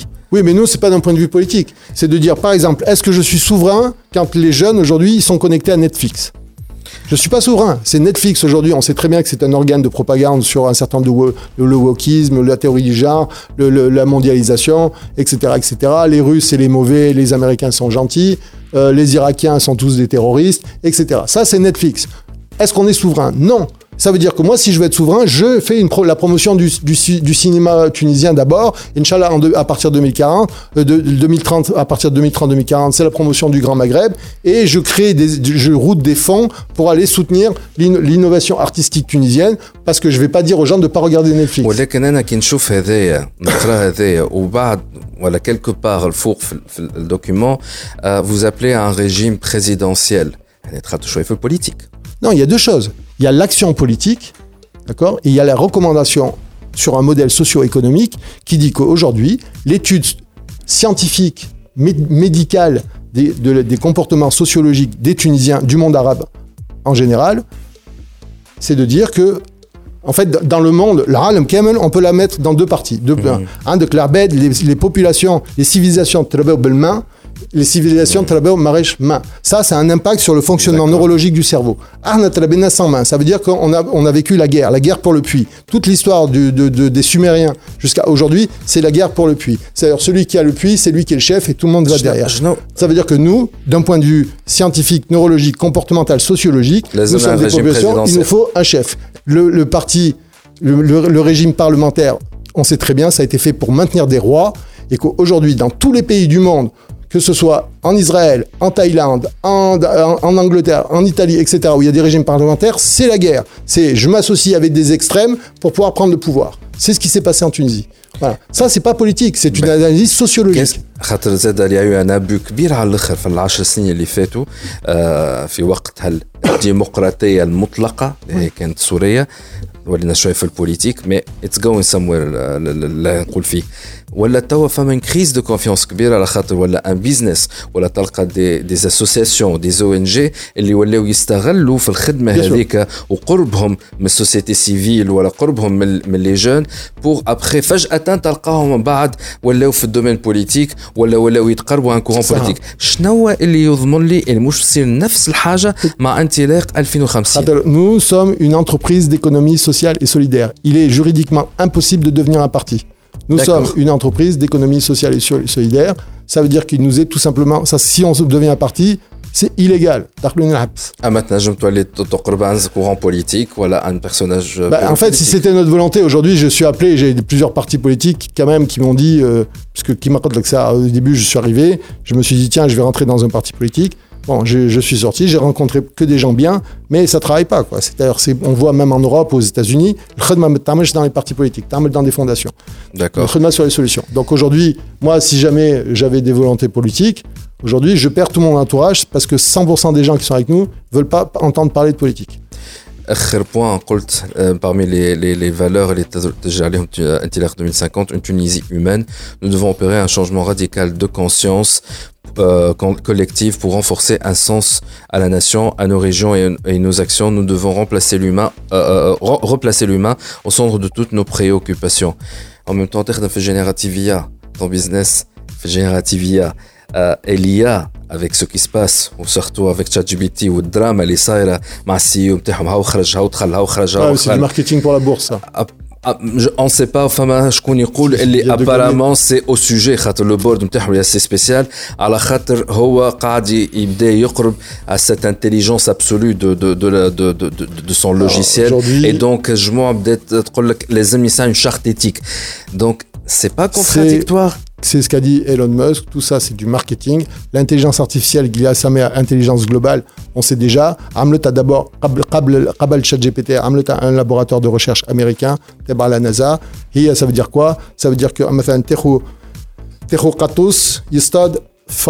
Ça s'appelle la chasse. L'intelligence artificielle comprend c'est la chasse les intelligences artificielles, depuis, depuis les grands philosophes sur la logique, on a toujours dit, même au Moyen Âge, aucune intelligence mécanique ne peut faire l'association de comprendre si redoit quel un loup, il tabac une gazelle, ça s'appelle la chasse. Ça s'appelle l'intelligence globale. Ça, on sait déjà le faire avant ChatGPT. Les laboratoires, ils savent faire de dire, si moi je suis un drague, je drague une fille, l'intelligence artificielle, il dit, il chasse. Se dire, Patos, il est stade, phare, et moi, si jamais j'agresse une fille, je dis je chasse une fille, pour qu'une intelligence artificielle déduise que c'est la chasse, on a toujours considéré d'un point de vue mathématique et logique que c'est impossible de faire. Une intelligence artificielle vient de faire. Si tu es capable de faire ça, on, arrive à l'intelligence globale, ce qu'on appelle l'intelligence globale. Aujourd'hui, on sait très bien maîtriser ça. L'opération de ChatGPT, c'est pour la bourse.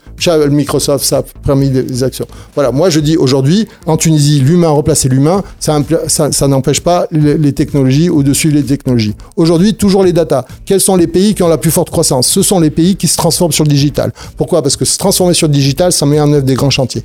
Si je veux digitaliser les trains, automatiser les trains, il faut que je refasse tous les quais. Si je veux mettre la voiture autonome, il faut que je refasse toutes les routes. Si je veux transformer mon administration en digital, il faut que je refasse toute l'infrastructure. Les pays qui génèrent le plus de croissance sont les pays qui ont investi le plus dans la transformation digitale. En tout cas, c'est Adlen euh, Kamoun, c'est très intéressant ce que vous dites. Euh, d'ailleurs, j'invite tout le monde à aller euh, sur le site intiler2050.org, تقراو le programme على شلات تصلوا بسي عدلان تحاولوا تحاولوا تفهموا على الفونداسيون اسكو فول ريموت فاكتوري كي votre entreprise est en train مالا جو فو tutoie مالا جو فو مش مشكل vous êtes en train de recruter في l'entreprise توا euh, oui, là on recrute. Alors là, on est dans les PFE. Ratsid fait les PFE. Donc, euh, donc si vous cherchez un PFE, fait domaine. Quel euh, domaine De l'intelligence artificielle ou data. Intelligence artificielle ou data, sachant que l'entreprise fait de la générative IA, de l'analyse data et de la 3D. Donc, si vous êtes dans ce secteur-là, vous pouvez contacter euh, Full Remote Factory. comme une adresse web? Euh, Fullremotefactory.com dans un seul mot. Voilà, .com. Sinon, as sur la Adlen Kamoun, Adlen Kamoun, avec un seul M sur les réseaux sociaux et notamment sur LinkedIn si vous voulez euh, dans le PFM Tech. Moi, là, vous cherchez un boulot fi Full Remote euh, Factory. Euh, je pense que l'idée d'aller voir l'interview à nous, ça évolue beaucoup. les entreprises توانسه نتاع وقيت باش تفهموا شنو هي الرول نتاعكم انتوما si vous voulez résister على خاطر اللي مازال معمل على انه باش يزيد يربح من تونس المارشي التونسي ماشي قاعد يضيق وقاعد تنقص فيه لامارج وتنقص فيه الفلوس. هنا ترجعوا على الانترفيو نتاع سي مصطفى مزغني. عاودوا تذكروه.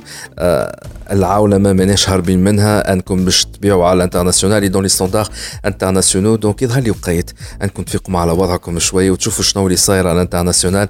مش تقعدوا شادين الموجود في تونس. اي بارابور على الملامه سألتك على شكون نجم نلوموه أنا عندي ما بتيت ايدي سور سا ديما نقول فيها على الفيسبوك وفما كلمة باش نقولها من عرس السيدة المخشة تنجم تبيبها الكلمة تنجم تعمل بيب. باهي أنا ديما نسمي فيها التطبيع مع Euh, c'est la normalisation de la merde.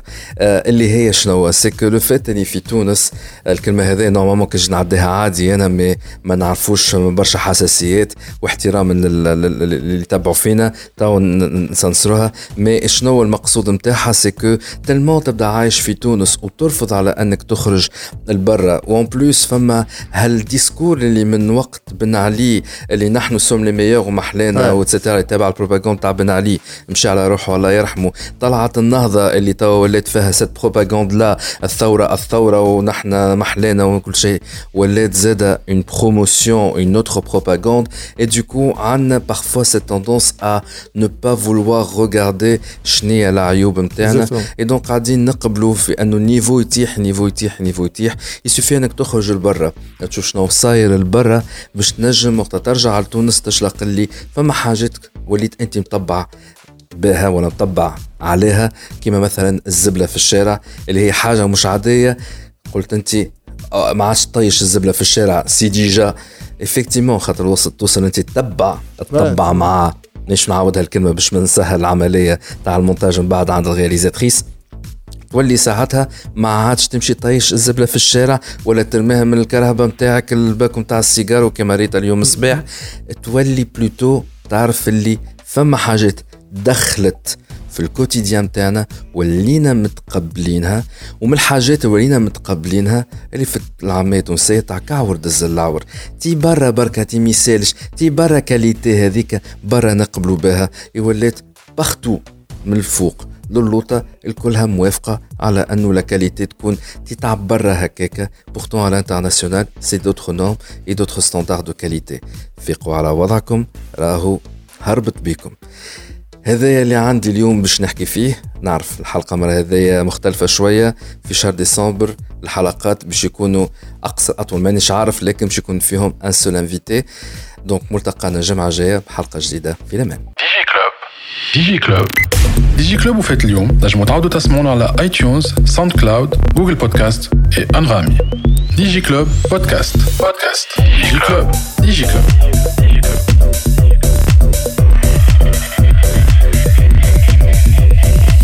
Sponsored by Huawei, au service de la Tunisie depuis 1999. Topnet, quoi Connexion, les Very Fiber People. Pristini, School of AI.